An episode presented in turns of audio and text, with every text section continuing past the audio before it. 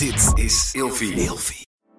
De overgang. 85% van de vrouwen tussen 45 en 60 jaar ervaart overgangsklachten. Klachten die kunnen leiden tot een verkeerde diagnose of langdurige arbeidsongeschiktheid. Wat kun je doen als je overgangsklachten ervaart? Hoe maak je dit bespreekbaar op je werk? En als jouw medewerker bij jou komt, wat kun je als werkgever dan doen? Sector Instituut Transport en Logistiek heeft een kennisplatform ontwikkeld waar jij terecht kunt voor tips en adviezen. Wil je er meer over weten? Kijk dan eens op stl.nl/slash overgang. Of je nu samen slaapt of alleen, een goede nachtrust is essentieel voor een goede relatie met jezelf en de ander. Emma Sleep komt nu dan ook met een hele fijne korting, waardoor je koninklijk kan slapen.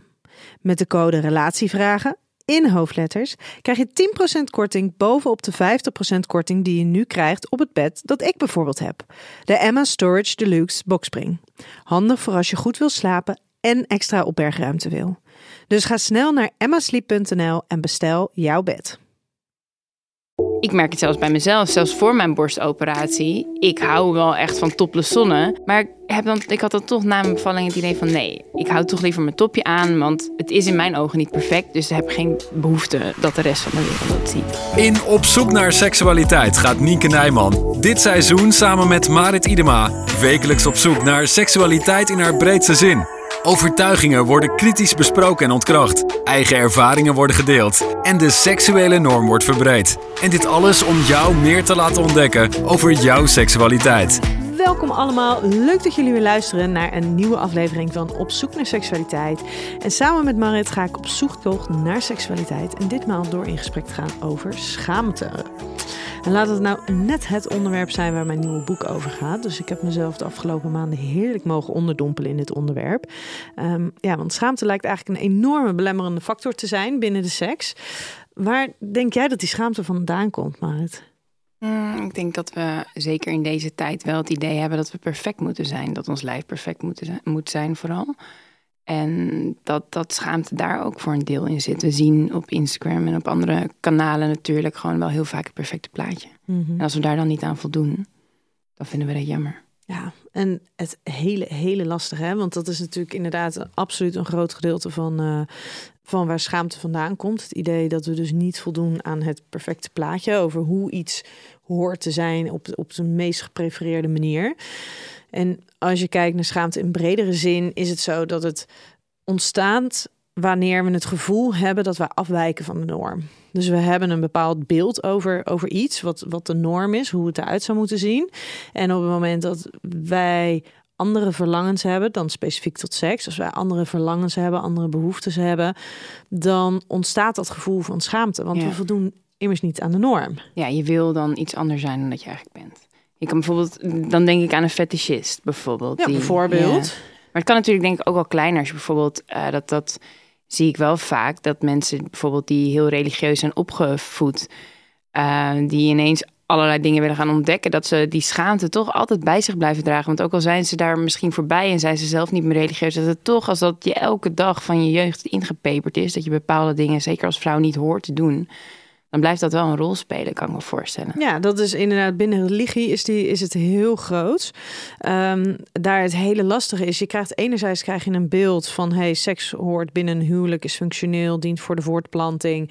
Nou ja, en dan krijg je er vervolgens geen informatie over anders dan eigenlijk um, alleen maar negatieve boodschappen, die heel erg gaan over schaamte en schuld. Dus die spelen daar natuurlijk ook heel erg op in. Um, anderzijds leven ze vaak ook zo in een wereld waarin ze dus ook niet de kans krijgen om uh, een, een, nou ja, andere ideeën op te doen. Dat, dat de overtuigingen en de boodschappen, dat wordt natuurlijk ook een beetje de waarheid. Dat is namelijk de kern van waar seksualiteit in hun beleving over gaat. En specifiek met de religie uh, krijgen ze boodschappen mee dat alles met seksualiteit, of de duivel is er, of God kijkt mee. Fucking kut is dat. Oh my god. Zo, stel je voor dat je oh, ja. Of stel je voor dat je inderdaad dan zelf een of andere fetish hebt en dat je dan gewoon, weet ik veel, nou, je wordt opgewonden van bomen en dat is al heel heftig en dat je dan ook nog het idee dan hebt dat God nog, meekijkt. Oh, dan krijg je ja, oh maar dat is ja, ja, je zegt natuurlijk nu wel in een, een heel extreem van, van, seksualiteit die niet, niet bij iedereen uh, voorkomt. Uh, er zijn absoluut wel mensen die ja, die, die nee, seksuele voorkeur komt absoluut hebben. Niet veel, maar als je dan en dubbelop. Dus je hebt en een, nou ja, een niet zoveel voorkomende seksuele voorkeur. Bijvoorbeeld inderdaad een, een fetish voor bomen. Ehm, en dan heb je ook nog eens die, die hele, uh, nou ja, die, die hele duidelijke strenge seksuele opvoeding gehad, waarbij er eigenlijk helemaal geen ruimte is voor seksualiteit. Dus dan heb je hem dubbelop. Ja, dubbelop. Maar het zit hem ook in veel kleinere dingen. Hè? Want als je het alleen al hebt over ehm, schaamte rondom het ontdekken van seksualiteit. Ik weet niet of jij het wel eens hebt gehad, maar ben je wel eens ongesteld geworden tijdens dat je seks had? Ja. Hoe was dat? Nou ja, ik heb één keer, weet ik nog heel goed, dan, toen uh, hadden wij net in de bioscoop de, de film Saul gezien. Ja. En ik weet niet precies meer hoe het ging, maar wij, uh, ik had seks met iemand waarmee ik destijds scharrelde. En we deden het licht aan. En het was net alsof we in een scène van die film waren beland. Er zaten handafdrukken op nee. de muur. En ik woonde nog thuis toen. Het was echt heel erg, gewoon echt overal bloed. Zijn hele gezicht zat onder het bloed. Alles gewoon. Snel het licht weer uitgedaan? Nee, ja, snel gaan schoonmaken wow. voor mijn leven. Want anders dacht ik was al vooral bezig met mijn ouders, maar dat is wel echt heel gênant, ja. Maar hoe, hoe was jouw gevoel van schaamte toen? Gelukkig voelde ik me wel um, op mijn gemak bij hem, waardoor we er ook wel om konden lachen. Dus het zat... En je was net naar die film geweest, dus je kon nog een leuke referentie Precies, maken. Precies, maar we dachten wel, holy shit, het is gewoon heel heftig. Um, maar ik denk dat als je zoiets hebt bij iemand waarbij je voor de eerste keer seks mee hebt, dan schaam je je echt heel, heel, heel erg. Maar gelukkig was dit wel een veilige ja. Ja, relatie. Maar dan heb je dus gewoon um, een, een situatie die iedereen kan overkomen.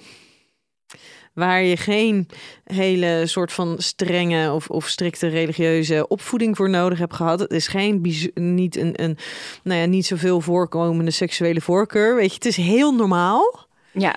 En toch ervaren eigenlijk alle mensen die hiermee te maken hebben, ervaren een vorm van schaamte. Als zoiets gebeurt. Of het maken van vreemde geluidjes. Het keer een, een, een keer misschien niet zo fris ruiken. Um, wat meer afscheiding dan normaal hebben. Um, het, het, het, het niet kunnen krijgen van een orgasme. Het niet kunnen krijgen van een erectie. Weet je, eigenlijk allemaal situaties die heel normaal zijn om, om dat, dat ze gebeuren en dat ze voorkomen. Maar omdat we toch een andere seksuele norm hebben denken we dat, dat we daarin dus afwijkend zijn? Denken we dus dat we ons zouden moeten schamen voor dat? Of, of denken we het niet zozeer? Voelen we dus de schaamte op het moment dat zoiets gebeurt? Ja. Terwijl het zoveel gebeurt. Ja. Ja, dat werkt dan toch heel belemmerend. Ja, absoluut. Want als er iets niet bevorderend is voor opwinding, dan is het wel schaamte. Heb jij je wel eens voor iets geschaamd? Nou, de... Of een moment of een ik moet eventjes terugdenken. Eigenlijk, ik ben altijd gewoon heel blij met mezelf geweest. Um, dus ik geloof niet dat ik me echt in, in alle jaren ergens echt voor heb geschaamd. Maar misschien net na mijn zwangerschap dat ik wel liever een jurkje aanhield of zo. Omdat ik gewoon nog niet in shape was en ik gewoon vrij perfectionistisch ben. Maar nu ben ik geopereerd aan mijn borst uh, recent, omdat ik borstkanker had. En dat vind ik wel echt heel lelijk geworden. Dus daar schaam ik me wel voor, ja. Ja. ja. Dat, dat, dat, en dat werkt inderdaad ook echt belemmerend. Weet je, je laat je toch. Het is gewoon, in dat opzicht is het zo'n privilege om je nergens voor te schamen. Omdat je kan je echt helemaal laten gaan in bed. Zonder dat je bezig hoeft te zijn met bepaalde dingen. Van oh, hoe ziet dit eruit of hoe ziet dat eruit. Op het moment dat je gewoon tevreden bent, dan is dat echt wel heel fijn. Alleen besef je dat vaak pas wat, hoe bijzonder dat eigenlijk is op het moment dat het dan niet meer zo is. Ja. Ja, dus je beseft eigenlijk helemaal niet wat je hebt en de ja. vrijheid eigenlijk. Ik heb het je voor lief ervaart. genomen al die jaren. Ja. En ik heb natuurlijk wel vaak voor, van heel veel vrouwen gehoord dat ze, ja, bijvoorbeeld het gênant vinden om, weet ik veel, dat, dat je ze zich schamen voor hun lichaam, voor hun borsten. Dat ze het vervelend vinden om zichzelf zomaar te gaan vingeren. Dat zijn allemaal dingen waarbij ik, dat kon ik nooit, dat begreep ik nooit. Tenminste, ik begreep het wel, maar nooit vanuit mezelf. Nooit vanuit eigen ervaring. Ja. Kan, kan jij je werk nu beter doen nu dat je deze ervaringen hebt? Want de manier, we hebben elkaar, hadden elkaar al eerder over seksualiteit ook gesproken. En de manier, de eigenlijk soort van de vanzelfsprekendheid, de vrijheid, de soort van de die er in jou zat. Dat seks zo, nou ja, zo, zoiets uh, moois, magisch, iets fijns, iets waar je helemaal iets jezelf, makkelijks iets makkelijks, iets wat altijd maar Ja. beschikbaar is. Terwijl Ja. Dat nu is natuurlijk niet zo. is het Nee, ja. het is Ja. niet altijd zo Nee, het is niet altijd zo vanzelfsprekend. En natuurlijk, daar, dat is heel leerzaam. Ehm, Het is hartstikke ja, shit. Ja, het is heel kut, maar het is wel leerzaam. Zo'n zwangerschap ook. Hè. Dat was voor mij ook al heel leerzaam. Van wow, het is eigenlijk best wel heel gecompliceerd om zo'n seksleven een beetje op gang te houden. En om het leuk te houden. Zeker als je klacht, alle, allerlei klachten ervaart. Dus ja, in bepaalde opzichten heeft dat me nou ja, empathischer gemaakt misschien. Of in ieder geval dat ik, ik kan me gewoon er beter in verplaatsen. Omdat ik het zelf ook nu heb meegemaakt. Ja. Weet je wat het, eh zo grappig dat je, dat je dit woord nu noemt, want weet je wat het magische woord is eh, bij schaamte? Empathie. Ja. Iemand, iemand die op het moment dat jij een stukje uitspreekt waar jij je voor schaamt, dat een ander zegt, eh, ik begrijp wat je bedoelt.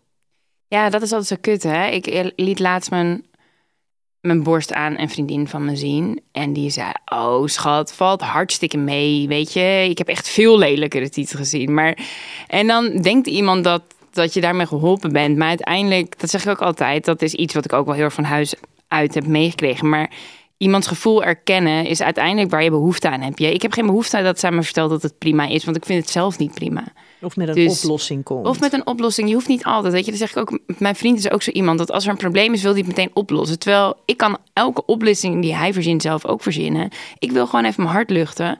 Zonder dat je meteen met honderden en één antwoorden komt. Of met oh, het valt wel mee. Of het komt vast goed. Het zijn allemaal van die loze termen, weet je. Dus uiteindelijk, ja, erken dat gevoel.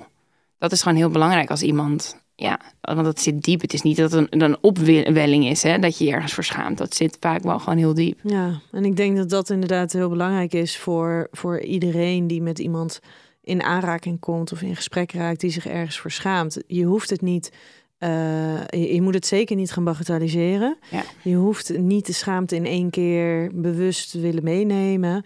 Je hoeft niet ehm, het, het proberen op te lossen, maar erken het gewoon, weet je? En, en op het moment dat het iets is waar jij eh, je ook in herkent, dan is het zo mooi om dat te kunnen delen, zonder vervolgens daar overheen te komen met jouw verhaal. Want Ja. dan neem je weer te veel ruimte in. Ja, Ehm, maar laat weten dat die schaamte helemaal niet, niet, niet erg is, dat, dat het gevoel er is. ja. En als je dan kijkt naar de rol van de partner, hè, dan trek ik het even op mezelf. Ehm, mijn, kijk, je kan natuurlijk heel veel begrip hebben voor, nou, wat vervelend voor je dat je je daar kut over voelt. Dat is op zich een strategie die helpt. Maar als het direct gaat om de partner, is het meestal, je schaamt je niet alleen voor jezelf, maar je schaamt je ook voor hem of haar of hen. Toch? Het is toch ook dat je denkt van, oh, straks vindt hij het vervelend of straks vindt hij het een afknapper. Ja, want er zit heel vaak er zit een oordeel over onszelf in. Hè? We hebben zelf een oordeel. Maar we zijn ook wel vaak bang voor wat zal de ander erin van vinden. Want jij kan je ergens voor schamen. Weet je, als jij eh, zelf aan het masturberen bent en eh, jij maakt op het moment dat je klaarkomt daar een, een, een, nou ja, een, een bijzonder geluid bij. Ja, op het moment dat jij in je eentje bent, ehm, dan is het geluid er nog steeds. Maar dan heb je er waarschijnlijk veel minder, minder last van, van. Van de schaamte en het bewustzijn wat jij, wat jij over jezelf hebt. Dan wanneer je met je partner bent. Ja. Dus daarin heeft de aanwezigheid van een ander heeft daar, heeft daar absoluut een impact Ja, eh, dus op. het kan het helend werken als iemand nou heel veel tijd en energie stopt in, in vertellen hoe. Kijk, als die onzekerheid natuurlijk zo diep geworteld zit, dan lukt dat niet. Maar als het bijvoorbeeld, ik vraag me dus af dat bij mij en mijn borst als mijn partner elke dag zou zeggen: Ik vind het echt heel mooi zo. Dat kan niet in mijn geval, maar ik zeg maar even iets. Hoe, waarom zou dat niet kunnen? Nou, omdat het wel gewoon, ja, de helft is eraf. Dat is niet dat. Ja, maar dat het, het staat natuurlijk ook ergens voor. ja, daar, je, je daar kan wil je juist niet aan herinnerd worden. Misschien vind je het. Maar misschien kan je daarin op een gegeven moment. En jullie zitten hier nog maar net in, hè? Even, jullie zitten nog soort van in de herstelperiode. En ehm, het kan natuurlijk ook zijn dat je op een gegeven moment een hele andere betekenis hebt aangegeven. En dan kan je misschien zeggen van ja, fysiek gezien had je iets anders moois gevonden. Of vond je het mooier hoe het was. Maar emotioneel gezien, de emotionele betekenis, ehm, het heeft waarschijnlijk wel je leven gered. Deze beslissing maken.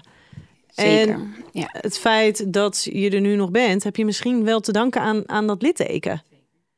Maar daar, daar is tijd voor nodig om, om daar doorheen te komen. Het is ook niet dat als je je ergens voor, voor schaamt of on, ja, on, onprettig bij voelt, dat je dat even met, met een magische pil weg kan nemen. Dat zijn, dat zijn processen. En bevestiging krijgen van je partner is daar absoluut helend in. Dus ja, dat is in ieder geval duizendmaal beter dan wanneer je uh, partner juist bevestigt dat het inderdaad niet zo, uh, niet zo mooi is. Nou, aan de andere kant, hij zei wel in het begin van ja, het is niet zo mooi. En dan dacht ik ook van ja, oké, okay, weet je, het is ook niet mooi. Dus ik vond het aan de andere kant ook wel weer fijn dat hij eerlijk was.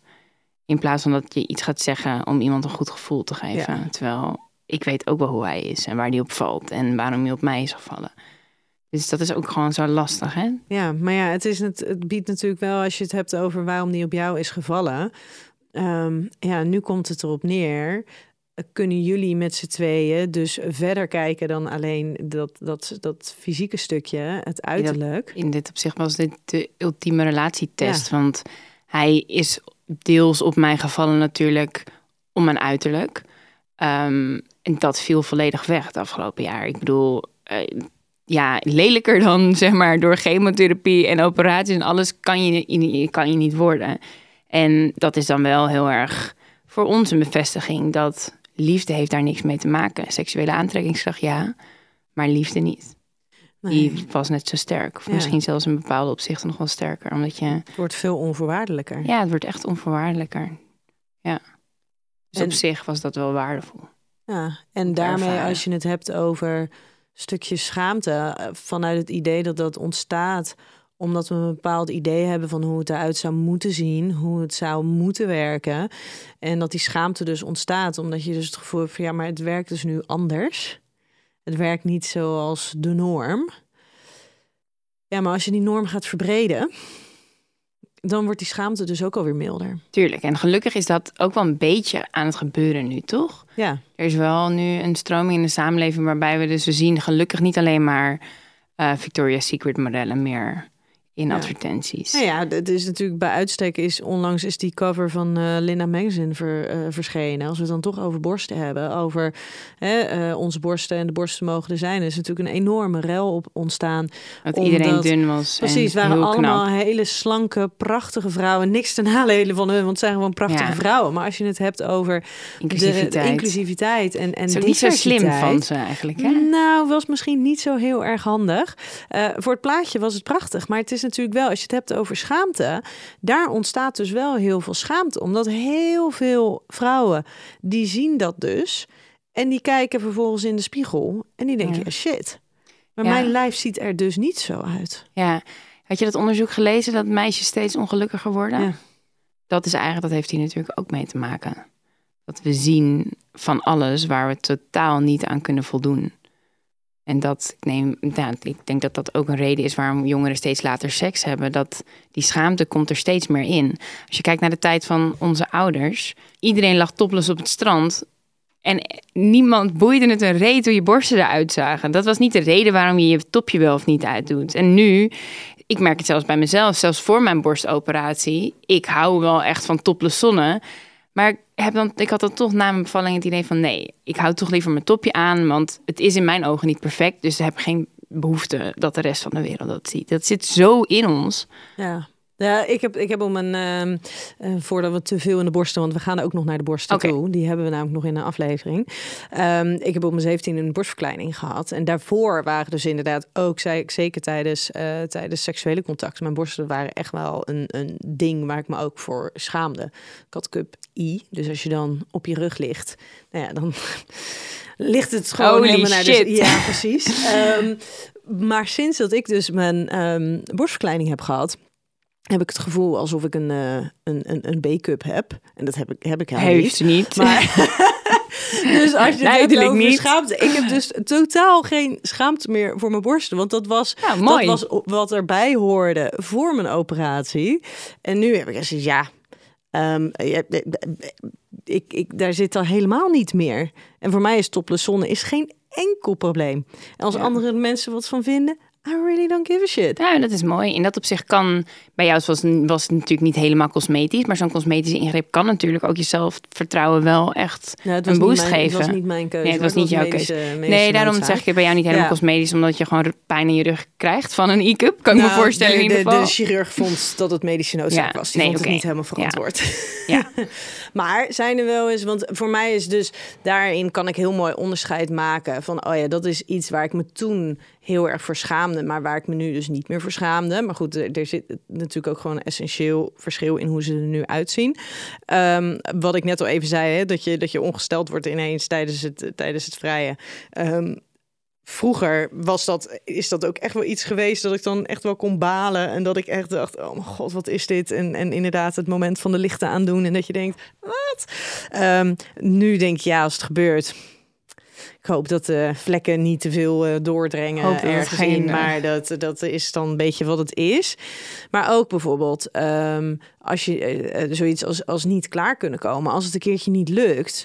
Ik kon daar vroeger van alles bij voelen. En alles van vinden. Terwijl als het nu niets gebeurt, dan is dat even wat het is. Ja. Maar ook het, ehm, als je het hebt over, over ehm, nou ja, masturberen. Masturberen bij een partner. Als je, als je tegelijkertijd met je partner, als je 20, 21 bent. Weet je dat dat iets is wat heel veel soort van ongemak en schaamte met zich mee kan brengen. Als je aan steeds. jezelf zit. Ik denk nog steeds, ook bij mensen van Maar voor jou ook? Of, ja, want in algemene zin is dat absoluut zo. In algemene zin Ja. is het absoluut zo dat mensen daar heel veel schaamte bij ervaren. En heel veel ongemak. En ze worden zich heel bewust van hun eigen lijf en hoe ze zich bewegen en reageren, het geluid wat ze maken. Maar voor mij merk ik daar dus echt een enorme, enorme verandering is in. Ik heb altijd me daarin heel vrij gevoeld. Ik heb daar nooit last van gehad. Ook om, ja, eigenlijk in een, ik, ik, ik, zeker, ik kom heel moeilijk klaar als ik seks heb met iemand waar ik, waar ik niet een lange relatie mee heb of niet een lange seksuele relatie mee heb. Dus wat ik altijd deed tijdens de seks, eigenlijk vanaf een hele jonge leeftijd, was dat ik mezelf vingerde. En Dus dat was voor jou de norm. Dat was voor mij dat ik dacht, maar ik merkte ook hoe mannen daarop reageerden. Die vonden dat leuk. Het is echt niet zo dat die zoiets hadden van wat de fuck doe je? Dat is, dat is echt niet normaal. En Die als ze dat hadden gedacht, dan was ook gewoon exit geweest. Ja, die zien het alleen maar als wat leuk en assertief Ja. en initiatief nemen. En Ja, en ik denk ook dat, dat, dat vrouwen in dat opzicht juist meer het heft in eigen handen moeten nemen. Omdat we komen veel te weinig klaar. Dus als dat iets is wat kan helpen en je seksleven beter kan maken, doe het dan ook vooral. En probeer je daar niet voor te schamen, want het is hartstikke normaal.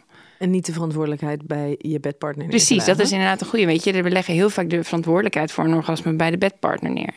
Terwijl ja, zeker als je net bezig bent met elkaar, is het ook gecompliceerd. En wat jij net zegt, ik vind, ik vind echt niks ergers dan dat iemand inderdaad dan zoiets heeft van... oké, nou, we kennen elkaar. Ik ga jou vanavond het orgasme van je leven geven. Als iemand dat al zegt, dan klap ik al af, dan gebeurt het Compleet in paniek. Want dan denk ik, oh, de druk ligt erop. Ja. En het is ook iets mentaals. En dan probeer ik dat wel los te laten en te ontspannen. Maar dan denk ik alleen maar, het duurt lang, het duurt lang, het duurt lang. Schiet op, schiet op. Mijn hele Ja. lichaam aanspannen. Wist je dat er- en dan geniet ik er al niet meer van. Wist je dat er onderzoeken daarnaar zijn gedaan Ja? over vrouwen die dan moeten inschatten dat op het moment dat ze lastig tot geen orgasme krijgen, dat ze moeten inschatten hoe lang de partner al bezig is met hun te bevredigen. Ja. En dat Oh, werd ook hilarisch. gedaan bij vrouwen die dus geen eh, moeite hebben met het ervaren van een orgasme. En eh, ongeveer gemiddeld, het is al even geleden dat ik de cijfers heb gezien hoor, maar ehm, overschatten vrouwen die dat dus lastiger vinden eh, de tijd met ongeveer 20 minuten. Holy shit, maar dat kan ik me dus wel echt voorstellen. Want een minuut duurt dan echt gewoon fucking lang. Een dan denk je alleen maar, het gaat niet lukken, het gaat niet lukken. Ja. En hij is zo hard aan het werk. In dat opzicht zijn we ook... Een man zou dat niet zo snel denken bij een vrouw. Oh, arme schat, ze is eh, zo hard aan het pijpen. Weet je, toch eerlijk? ik- nou, En ja, dat weet ook- ik niet. Ik ben geen vent. Dus Nee, oké, maar als je- wat denk je? even aan de producer eh, vragen. Denk je man? dat? Heb je wel eens te doen met iemand die aan het pijpen is? Dat je denkt van, oh, ze is al zo lang hard aan het werk. Wel? En dan denk je als man zijn er net zo goed. het, het wordt nu van mij verwacht dat ik een orgasme krijg. Oké, er wordt hier ja geknikt. Ja, sorry, maar hij is niet gemiddeld. Dus nee, ik denk overal dat... Je eh, denkt dat mannen egoïstischer zijn en niet bezig zijn met de vrouw. maar- Minder. Ik denk meer dat ze gewoon wel op dat moment gewoon kunnen genieten. En hoe lang het duurt, dat dat iets is. Natuurlijk, als het 20, 30 minuten duurt, duurt zal dat ook wel eh, een rol gaan spelen in hun hoofd. Maar ik denk vrouwen meer. Ja, maar je moet ook even 20, 30 minuten je volle aandacht bij je eigen opwinding houden. Dat is mega ingewikkeld. Ja. Maar ik, ja, in dat opzicht, ik ga dan ook veel te veel in mijn eigen hoofd zitten. Ja, maar dat is het nadeel überhaupt met orale seks. Is dat ehm, of, of, hè, of, je, of het nou bij de man of de vrouw is. Zo'n afstand. ehm, er is letterlijk zo'n Ja. afstand. En je hoofd kan letterlijk alle kanten, alle kanten op. Ja. Dus eh, dat is echt, echt wel een uitdaging. Wat mensen echt niet moeten, moeten Ja, onderschatten. ik hou er bijvoorbeeld veel meer van. Daarom ben ik ook wel echt heel blij. Voor mijn seksleven is echt beter geworden door, door speeltjes. Omdat ik vind het bijvoorbeeld veel lekkerder als iemand mij vingert, ik er een speeltje op mijn clitoris zet en dan zoen met iemand. Dan, Ja, dan is er veel meer contact. ja, dan is er voor mijn gevoel veel meer contact. En dan kan ik veel beter in dat moment blijven. En vind ik veel intiemer. Dan dat inderdaad iemand al tien minuten voor zijn leven aan het beffen is. En ik alleen maar denk, oh, oké. en dan ben ik ook zelfs, zelfs bij mij, hè, terwijl ik echt wel gewoon ja, best ver daarin ben. En ik ga echt geen orgasme faken. Maar ik ben dan wel soms een soort van geluiden aan het produceren die niet helemaal in lijn staan met wat ik voel. Gewoon omdat ik denk, oh arme schat, je bent zo hard aan het Ja. werk. Ik geef je even een kreuntje, terwijl dat echt totaal niet is wat ik dan voel op dat moment. Oh, stom hè? En Ja. moet je nagaan, dit is inderdaad wat je... Schaam jij je daar dan voor dat je dat doet? Want het is eigenlijk niet in lijn met wat je zou willen voelen. Of, of zou moeten voelen, namelijk oprechte opwinding, oprechte geluiden die daar voor jouw gevoel bij passen. Maar je gaat het showtje opvoeren. Ja, ik weet niet of ik me er echt voor schaam, maar ik, ik merk wel dat. Ja, ik voel dan gewoon heel veel weerstand. Van oké, weet je, laten we iets anders doen. Want dit is gewoon voor mij, ik vind het super lief. En als ik echt ontspannen ben en op sommige momenten kan ik het ook echt heerlijk vinden. Ehm, maar dan moet ik wel er echt lekker in zitten. En niet met als doel klaarkomen, maar Ja, meer is gewoon het, genieten Ja. als onderdeel van. Ja, en nogmaals, als een man van tevoren, zeker een man die ik niet goed ken, al tegen mij gaat zeggen: Ik ben echt zo goed in likken. Ik ga jou echt wat laten zien vanavond. Dan denk ik al: Oké, gaat maar. echt niet gebeuren. Sorry.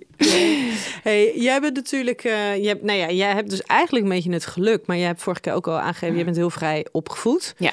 Ehm, nou ja, het zou mooi zijn als, als daarin vrij opvoeden vooral betekent van, weet je, alles is oké en, en probeer vooral bij, bij je eigen verlangens, je eigen behoeftes te blijven of kom daarachter en, en geef daar dan uiting aan.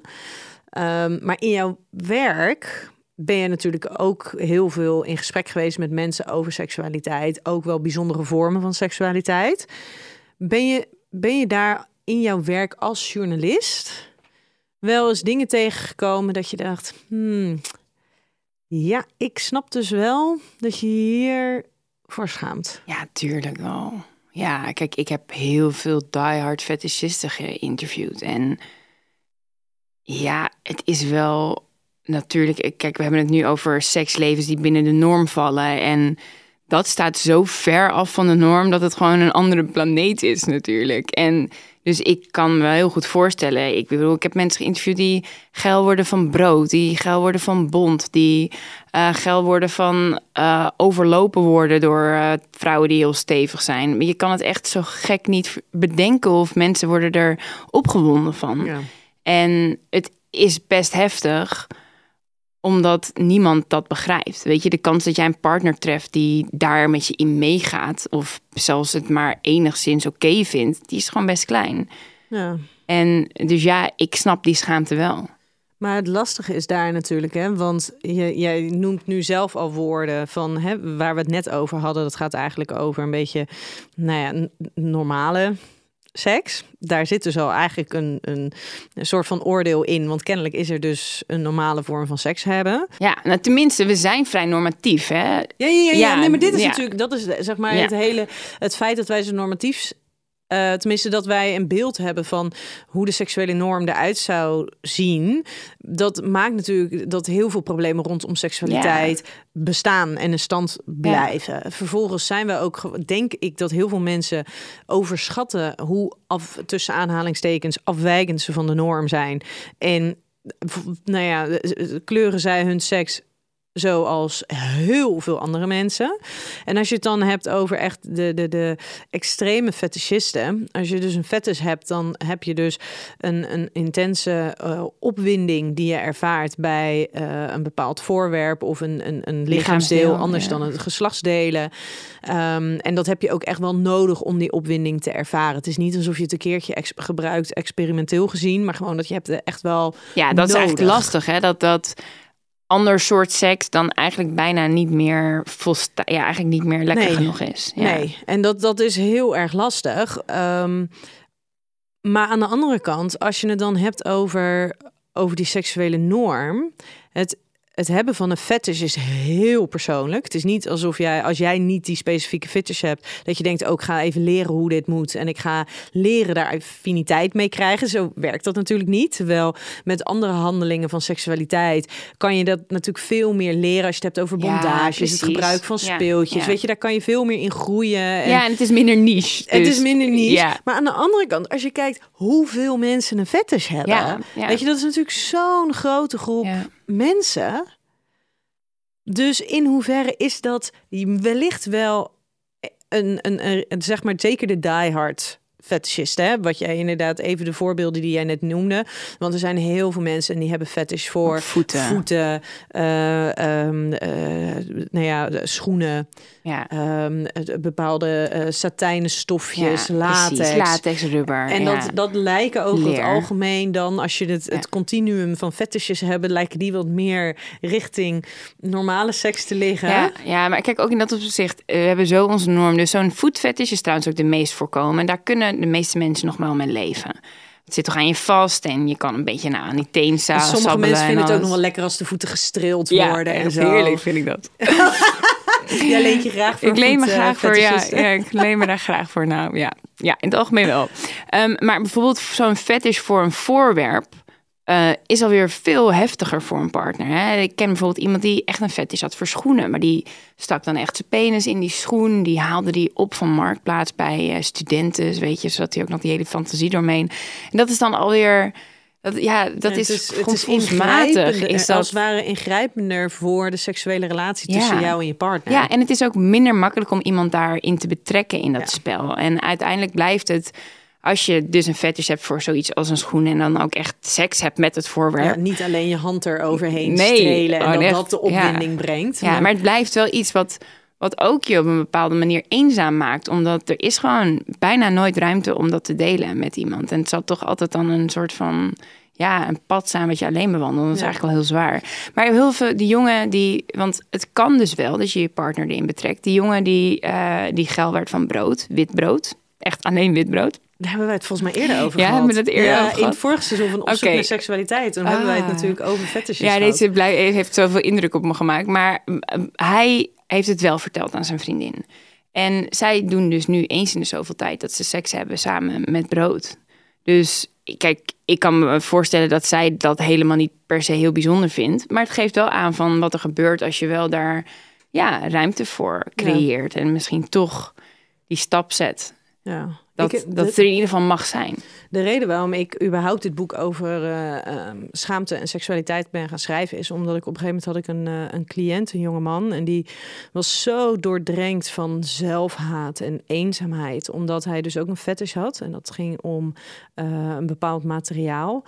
Ehm, en, en, en hij vond dat zo, hij had daar zo'n oordeel over, zo'n afkeur. Hij voelde zichzelf daarin zo abnormaal. En ehm, ik was daar dus eigenlijk zo door gefascineerd. Dat ik dacht, jeetje, maar dat dit dus zo'n impact op je kan hebben. Terwijl ehm, een van de dingen die bij hem heel helpend eh, was, wat ik, wat ik tegen hem zei, is, want hij keek dan heel veel, eh, heel veel filmpjes met die materialen die speciaal gemaakt werden voor mensen met een dergelijke fetish. En het enige wat ik op een gegeven moment zei was van, maar hoeveel filmpjes zijn er? Wat is het aanbod? Hij zei, ja, dat is echt bizar hoe groot. Zei ik, denk je dat die filmpjes alleen voor jou zijn gemaakt? Of zou het zomaar eens kunnen zijn dat er dus heel veel mensen zijn die behoefte hebben aan die filmpjes en die dus wellicht precies dezelfde seksuele voorkeur hebben als dat jij hebt? Nou, en dat dat was zo verlichtend voor hem. Omdat hij toen dacht, ja jeetje, hoe kan ik eigenlijk soort van zo naïef daarin zijn geweest... dat ik dacht dat ik de enige was. En daarin dus zoveel schaamte, zoveel zelfhaat... zoveel eenzaamheid had ervaren in zijn seksualiteit. Terwijl toen hij zich dat is gaan realiseren... zei hij, maar ik, ik ben dus helemaal niet zo... nou ja, afwijkend. Ja. Ik ben dus helemaal niet zo, zo raar. Ja. Ja, het is iets wat, wat ik misschien niet op school heb geleerd van hoe seksualiteit zich kleurt. Maar het is ook niet zo alsof ik. ehm, alsof het levensbedreigend is. Alsof ik mezelf of een ander er schade mee eh, doe. Dus weet je, gewoon het, het, het realiseren, het beseffen van ja, je bent dus niet zo anders. Nee, Je bent niet in je eentje. nee, nee. Dat kan echt. zo helend zijn. Ja, dat kan ik me voorstellen, ja. En dat geldt voor alle, bijna alle fetishen. Want het is echt zelfs de hele unieke fetishen. er- Je kan echt honderden, duizenden filmpjes ervan vinden. Ja. En die zijn echt niet allemaal voor jou Zelfs zo'n fetish voor wol. Dat je denkt, huh? Nou ja, maar dat is heel logisch eigenlijk. De stoffen, want heel veel mensen reageren heel erg op materiaal. Ja, maar zo En- vervelend. Vervelend prikt man. Hey, we gaan door eh, eh, naar de luisteraarsvraag. Ja. En die is van Margie en die is 29 jaar. Mijn vriend maakt hele bijzondere geluiden als hij klaarkomt. Zelf lijkt hij er geen moeite mee te hebben, maar ik schaam me er rot voor. Elke keer als hij een orgasme krijgt of in de opbouw er naartoe, ben ik bang dat iedereen het hoort en ben ik helemaal niet meer bezig met de seks. Hoe kan ik ervoor zorgen dat ik me er minder voor schaam en meer in het moment kan blijven met mijn vriend? Mm, lastig, hè? Nou, blijkbaar verschijmt hij zichzelf niet. Dat is al fijn voor hem. ja. Dat is wel heerlijk, want Ja. eigenlijk zou je je daaraan moeten maar- optrekken. Ja, maar ja, want eigenlijk als je er nu iets van gaat zeggen, dan neemt hij die schaamte misschien over en dan gaat hij zich super kut voelen erover. Ja, maar ja, wiens probleem is het? Moet je, dat is sowieso de vraag, wil je, moet je iets aan die bijzondere geluiden gaan doen? Of, want dan ga je waarschijnlijk ehm, nou ja, een stukje belemmering brengen in de seksualiteit en het ervaren van opwinding van de vriend. Of ga je dus met haar aan de slag? En dat is eigenlijk in principe wat ze natuurlijk ook vraagt. Hè? Ja. Hoe kan ik ervoor zorgen dat ik me er minder voor schaam? Nou, in eerste instantie is dat weten dat er geen geluid te gek is als je seks hebt. En juist in zo'n moment van, van oprechte opwinding is het juist heerlijk eigenlijk als je gewoon alles kan loslaten. En je je dus niet bewust bent van de geluiden die je maakt. Ja, Oh, oké. maar, maar- je hebt wel een voorkeur natuurlijk. Tuurlijk heb je een voorkeur, maar wat ik me ook afvraag hierbij is, ja, maar wat zijn dan hele bijzondere geluiden? Ja, nou ja, dat is veel, gewoon een soort van aap, heerlijke dat- primaire Ja, maar aapgeluiden. dat zit je toch niet op te wachten. Sorry. Ja, ik snap wat- dat wel. Ik zou me niet per se schamen voor de buren of voor iemand anders, maar ik zou wel, ik snap wel dat dat afleidend werkt, want uiteindelijk wil je wel dingen horen, zien en voelen die jou opwinden. Ja, maar ga je dan, zeg je dan van ja, ehm, ik, ik zou me er niet voor schamen, maar ik snap wel dat er geluiden zijn die niet bijdragen aan jouw eigen opwinding? Dat is natuurlijk wel iets anders, hè? Of, je, of wat, wat is het? Kijk, ik zou die buren lekker loslaten. Who cares, weet je? Echt, die hebben vast ook die hebben seks. vast ook seks. Ik zou me zeker niet zorgen maken voor andere mensen. Maar als het echt eh, ervoor zorgt dat jij ineens denkt van... wat fuck is dit? Ik kan me er totaal niet meer in- de seks verliezen... omdat het zo afleidend is. Dat heb je natuurlijk ook heel vaak bij vrouwen, hè? Dat ze zo irritant kreunen en krijsen... dat je echt denkt, jezus, chick, Dat- hou je bek. Dat is ook waarom ik bijvoorbeeld pornofilms echt Ja, verschrikkelijk vreselijk. vind. Ja, maar in het echt is dat ook zo vaak. Dat iemand op zo'n overdreven manier kreunt, dan heb ik al geen zin meer in seks. Bijna niet oprecht. Ja, bijna niet oprecht. Maar ook, ik bedoel, iedereen kijkt natuurlijk porno en neemt dingen over. Dus je hebt heel vaak gewoon mensen die gewoon... Nou, een van mijn beste vriendinnen maakt ook zoveel lawaai. Ja, ik ga helemaal stuk als En ik is het het hoor. wel oprecht? Het is heel oprecht. maar het is heel intens ook. Oh mijn god, ja. Ik weet nog zo goed dat een andere vriendin van mij had met haar afgesproken. En die wilde aanbellen, maar die hoorde er zo hard schreeuwen dat ze gewoon weer weg is gegaan. Die belde me op, helemaal in shock. Ja, dat is toch niet normaal? Maar echt gewoon. Maar daar zit dus wel weer, als we het hebben over schaamte, dat is toch niet normaal? Nee, inderdaad, Dus- is niet normaal. En dat is super kut, want uiteindelijk, ja, ik moest lachen, maar ze had ook tegen haar gezegd van ja, ik had niet echt zin meer daarna om jullie te zien, want het was zo intens voor mij om dat te horen. Kijk, je hoeft ook dat niet te horen van je vrienden natuurlijk. Nee, maar dat is over het algemeen. El, ja. Vrijwel alle geluiden van seks die jij hoort op een moment waarop jij er niet op op voorbereid bent of dat het niet gewenst is, zijn intens. zijn intens. Maar bij haar was het wel zo. En Um, zij schaamde zich nooit voor hoeveel lawaai ze maakt. Maar vanaf dat moment is ze er zich ervoor gaan schamen. Omdat er dus zo'n oordeel over is Dus er is een oordeel over. En dat oordeel had ik totaal niet. Ik vond het hilarisch. Maar ik zou wel... Ik heb ook wel eens eh, seks met haar erbij gehad. En dan kan ik ook wel denken van... Oké, intens. Ik kan er dan om lachen. Maar ik vind het ook moeilijk om me dan te blijven focussen. Ja, daar zit dus wel echt een verschil van. Is het voor jou afleidend... En kan jij niet meer in je eigen opwinding blijven? Of is het oprecht iets waar je je voor schaamt? En met het oprecht je ervoor schamen, ik denk dat Um, dat, dat de schaamte van, van deze luisteraarsvraag inderdaad komt vanuit nou ja, een soort van de angst, de onzekerheid, wat eventueel andere mensen hiervan zullen vinden. En als het voor jouzelf afleidend is, dan zou ik inderdaad het, eh, misschien het gesprek aangaan van hey, kunnen we daar, daar iets mee? Uh, misschien kan je muziek aanzetten. Of, van, hè, want het inhouden van geluiden, dat, dat vind ik wel lastig om dat te vragen van iemand. Ja, vooral omdat je dan op een hele andere manier seks hebt. Je wordt veel, te zelfbewust. Ja. ja, dus dat wil je eigenlijk niet. Ja, en ik vind wel overal maken mannen eigenlijk weinig geluid, hè? Ja, maar je, je, je, weet het niet, hè? Over het algemeen. Pas nee, op, we uh, willen geen... Nee, nee, nee, maar ik vind juist... Tenminste, dat is mijn ervaring hè, met mannen. Dat ik het idee heb dat heel veel mannen het idee hebben... dat ze niet te veel geluid mogen maken. Dat geluid iets, iets is voor de vrouw. Dat zij mag wel even grommen of even iets anders stoers. Mhm. Maar zich echt laten gaan... Uh, met geluid, dat, dat, dat merk ik toch eigenlijk zelden bij mannen. Heb jij dat wel eens? Is dat jouw ervaring? Nou, ik denk dat dat inderdaad wel zo is. Er zit minder variatie in het geluid. Ja, en je zou ook niet echt een man bij elke stoot. Ah, ah, ah. Nee. maar Waarom eigenlijk niet? Misschien is dat het verschil is dat niet tussen porno? dat de een aan het werken is. Als jij aan het werk bent en je bent aan het sporten, dan ben je ook niet alleen maar geluid aan het maken, toch? Nee, maar het kan wel lekker zijn. Ja, kan ik me voorstellen. Ik bedoel, wij hoeven ook geen geluid te maken. Maar ik denk dat we geluid maken omdat het gewoon lekker is om je te laten gaan. Precies. En dan is het lekker laten gaan en loslaten. En, ja. ja. Maar goed, oké. dus voor deze onderscheid maken tussen... hé, hey, maar schaam jij er echt voor omdat je bang bent dat de buren er wat van zullen vinden... of andere mensen? Laat dat lekker los. Want dat gaat je helemaal niks opleveren dat je je daar bewust van bent. Het is alleen maar extra belast uh, en neemt, neemt gewoon zeg maar, de opwinding uh, neemt dat weg. Uh, is het iets wat jou echt afleidt? Ga dan kijken of je misschien met muziek aan de slag kan. Misschien kan je partner eventjes in een, in een kussen geluid maken, zodat daar in ieder geval een, een, een demping op zit. Maar zorg er ook voor dat je partner zich niet gaat schamen door jouw gevoel van schaamte. Ja. Hou het bij jezelf. Ja.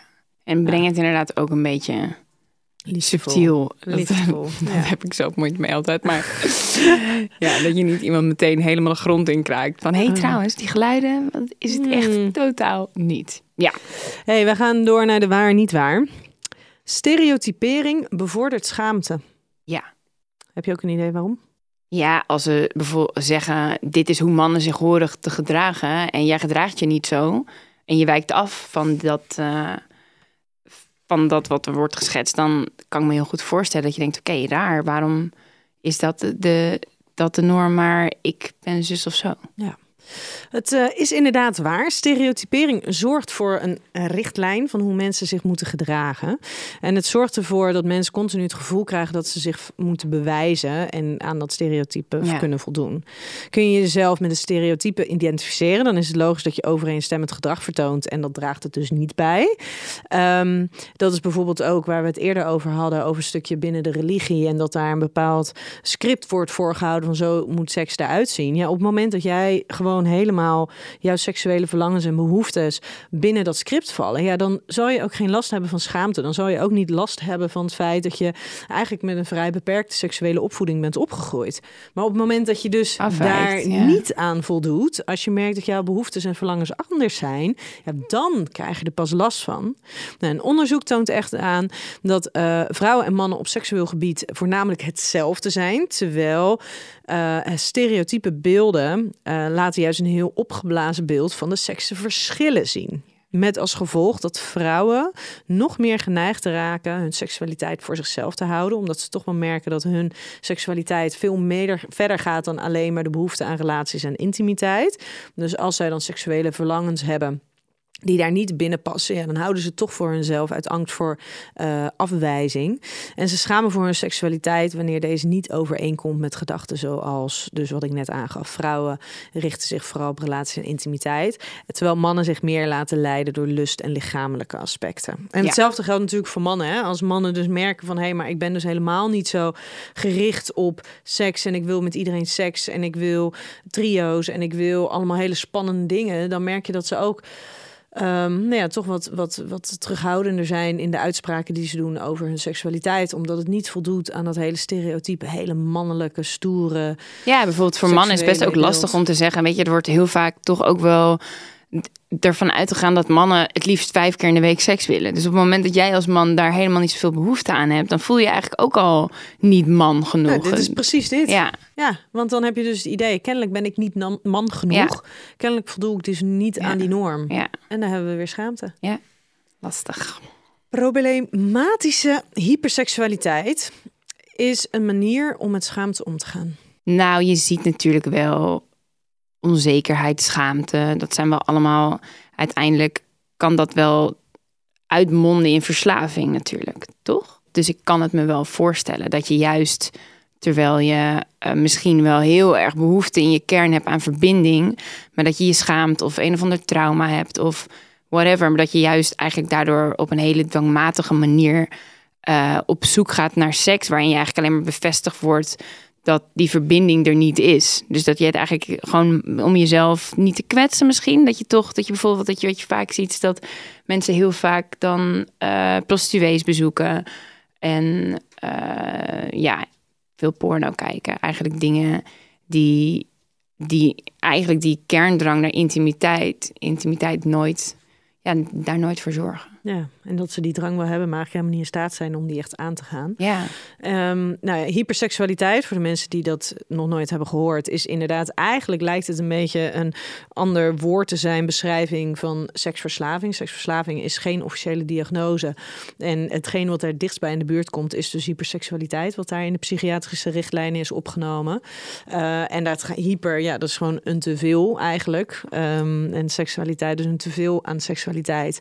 En dat uit zich inderdaad in um, overmatig uh, nee, de, de prostitutiebezoek, porno kijken, allerlei, allerlei verschillende vormen. Ja, en bijna, het is eigenlijk nooit zo dat je heel vaak hele fijne seks hebt met een liefdevolle partner. Nee, want eigenlijk de, de, hele betekenis van seksualiteit verandert. Ja. En echt in, dwangmatig. Precies. en eh, heel vaak zijn ze ook helemaal niet meer in staat om, om intieme, fijne seksualiteit te ervaren.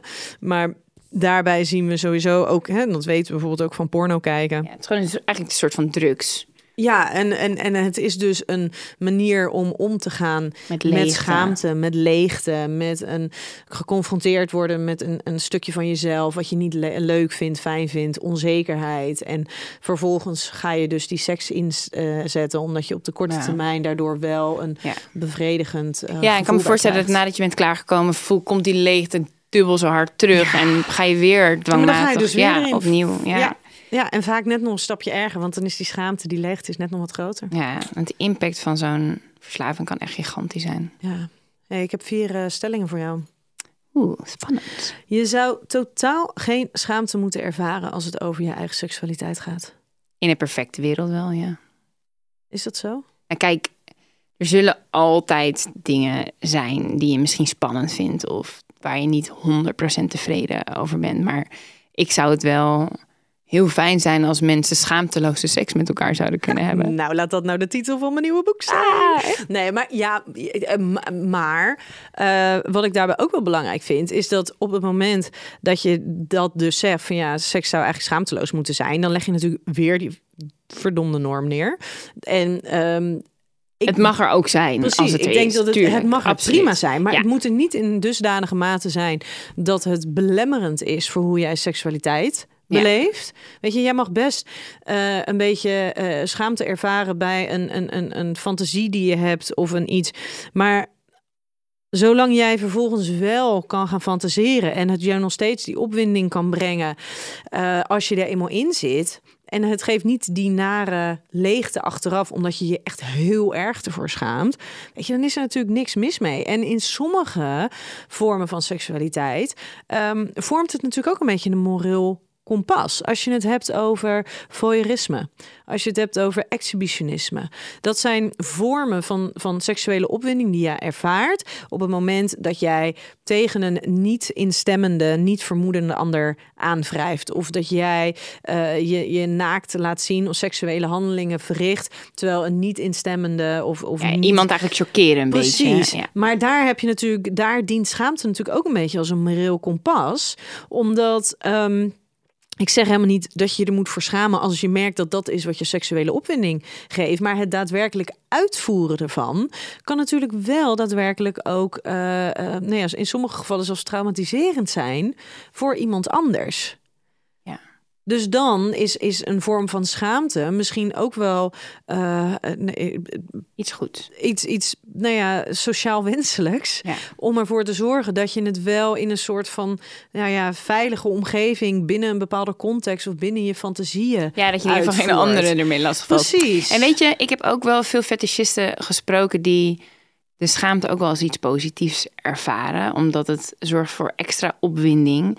En het is wel iets wat je uniek maakt. En ik, ik, heb wel eens, ik vraag dan wel eens van, zou je willen dat, dat dit uh, iets normaals was, dat je kon delen met de wereld? In die zin normaal. En dan zei, zeggen ze allemaal van nee, want het is ook wel spannend eigenlijk ja. in mijn eentje dit doen.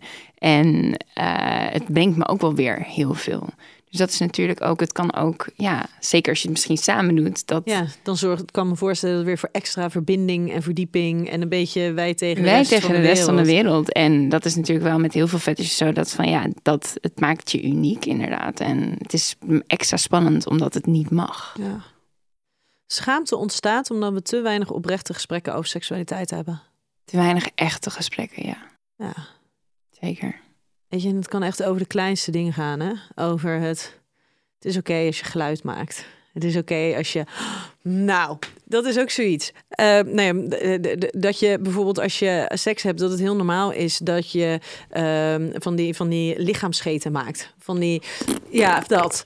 Of je bedoelt kutscheten? Kutscheten, bijvoorbeeld ook. Ja, dat oh, het heel normaal is. Ja, dat is toch? Dat is toch normaal? Ja. Hoe vaak heb jij gedacht, hoe, als dat gebeurde? Nou, ik kan daar wel om lachen als het gebeurt. Maar ik weet ook al precies als iemand wat doet, dan weet je, dan weet je ook wel dat het gaat gebeuren. gebeuren. Dus dan probeer je het wel een soort van te voorkomen. Ja, maar want... dan probeer je het dus te voorkomen. Nou, je bent vooral bang dat de ander denkt dat je zeg maar een normale scheet, een normale. Ja, maar dat is toch dan bijzonder. Daar zit dus alweer een soort van ongemak in. Ja, en je tuurlijk. probeert dus te voorkomen dat ja, het okay, een maar ongemakkelijk ik, Ja, oké, maar wordt. ik vind ook bepaalde dingen hoeven niet. Zeker niet tijdens seks. Ik zit er ook niet op te wachten als mijn bedpartner een scheet laat. Ja. Nee, maar ja, een, een, een kutscheet, dat, dat, dat is, daar kun je toch niks aan doen? Nee, je kan er ook niks aan doen. Maar ik bedoel meer daarom zou ik me schamen. Dat, dat je wel denkt van, het was niet, uh, het kwam daar vandaan en niet daar. Ja. Dat je denkt van, ja... Er, mag ook wel een beetje schaamte zijn. Want dat betekent ook dat je je best wil blijven doen voor elkaar. Dus gewoon scheten laten tijdens de seks. Ja, vind ik niet Ja, heel erotisch. Ja, maar daar is echt wel een verschil of je gewoon een normale scheet laat of dat het absoluut. een kutscheet absoluut, is. absoluut. En Maar daar zit de daarvan- schaamte, omdat het geluid op elkaar lijkt. Precies, maar daarvan denk ik, ja, maar als, als je van jongs af aan, zo iedereen vanaf jongs af aan al meekrijgt van, hé, hey, maar dat is iets wat heel normaal is dat ontstaat, want je hebt namelijk, je maakt een pompbeweging, dus er wordt een soort van vacuüm gezogen. Ja. Dus het is normaal dat dat ontstaat. Maar die gesprekken worden niet gevoerd. Jongens, bij biologie vanaf nu. Ja. ja, Oh. nee, inderdaad. Het zou mooi zijn als dat wel zo is. Ik kan me voorstellen dat als, als je voor het eerst samen zo'n ervaring hebt en het gebeurt, dat je echt denkt, wat de fuck was dat? Ja. Ja. ja. Het is terecht dat sommige mensen zich schamen voor een seksuele voorkeuring, zoals fetishen. Terecht, nee, logisch, ja. Ja, wist jij dat een fetish is een parafilie? Ja, Ehm, en een parafilie is dus dat je eh, intense opwinding ervaart bij een ritueel, een handeling of een voorwerp anders dan een voorwerp wat bedoeld is voor de seksuele opwinding of een geslachtsdeel. Wist jij dat daar als beschrijving staat dat dat dus dat je daar dus intense opwinding ervaart ehm, bij voorwerpen, rituelen die afwijkend zijn van de seksuele norm. norm. Ja, dat En weet ik. ik las dat. En toen dacht ik: wow, dit is toch oordeel op oordeel op oordeel. En dan is het toch logisch dat als jij dus een seksuele voorkeur of variatie hebt die dan in, in de DSM, dus de psychiatrische richtlijn, onder een, para, een parafilie valt, dat daar dus schaamte is. Dat je daar dus automatisch al voelt. Ja, maar ik wijk dus af. Want het staat letterlijk in de beschrijving. Ja, je bent afwijkend van de seksuele norm. Ja. En ik las het zo letterlijk. Ik vond het echt een soort van mind-blowing. En ik dacht, hoe kan dat nou? ja, het is jammer dat we in de 21ste eeuw nog steeds zo eh, hard daarover oordelen. En dat we zo normatief zijn inderdaad. Ja. Dat, dat zorgt er wel voor dat, dat die schaamte in stand gehouden wordt. Hey, de laatste. Schaamte wordt milder als je hoort dat een ander jouw verlangens deelt. 100 procent. Ja, dan krijg je hem alweer waar we het eerder over hadden. Ehm, de reactie van, hey, ik ook. Hey, hoor mensen vinden het zo fijn. Ik krijg elke dag berichtjes van mensen via Instagram van... ik heb dit en dat, ik hoorde dat jij wel eens daar en daarover hebt geschreven. Ben ik wel normaal? Echt dagelijks, hè? En als ik dan zeg van normaal bestaat niet en vertel eens of whatever... zijn die mensen zo dankbaar altijd. Dat er echt gewoon een last van ze afvalt. Ja. We zijn zo bezig met normaal zijn. Ja, ik heb dan. ehm het boek gaat dus inderdaad eh, schaamteloze seks heten, maar dan wel met de ondertitel van hoe divers kleurt seksualiteit zich als we de schaamte loslaten. Ehm, en het idee is dat er dus allemaal verhalen in staan van mensen die dus een vorm van schaamte ervaren en waarbij het dus wel echt oprecht belemmerend is voor hun seksualiteit. Maar juist met het idee dat als dat soort verhalen gedeeld worden en er is herkenning voor mensen, dat we dus zoveel meer seksualiteit, vormen van seksualiteit kunnen gaan normaliseren. En dat die schaamte zo vaak zo onterecht is.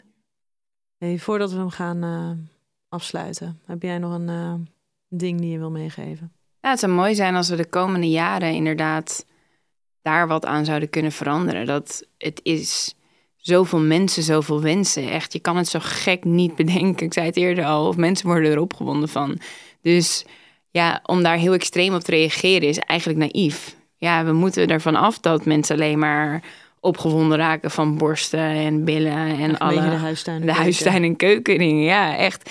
Bijna iedereen heeft wel een, een, een fantasie die ergens als afwijkend wordt gezien. En als we dat misschien wat meer delen met z'n allen en als we daarover praten, verandert daar wat in de komende tijd. En juist ook door die onzekerheden te delen en erachter komen dat het dus heel normaal is om bepaalde onzekerheden te hebben. Ja. En dat het dus eigenlijk weer een soort van zekerheid wordt dat je onzekerheden mag hebben. Ja. ja, maar in dat opzicht is er wel een verschuiving gaande. Ja. Vooral als het gaat dan over lichamen, hoe die eruit zouden moeten zien.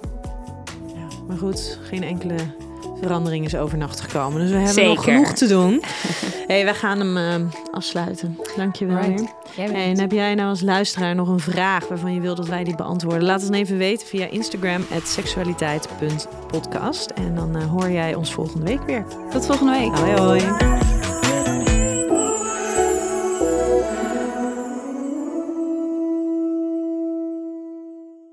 Met de code Relatievragen in hoofdletters krijg je 10% korting bovenop de 50% korting die je nu krijgt op het bed dat ik bijvoorbeeld heb. Dus ga snel naar emmasleep.nl en bestel jouw bed.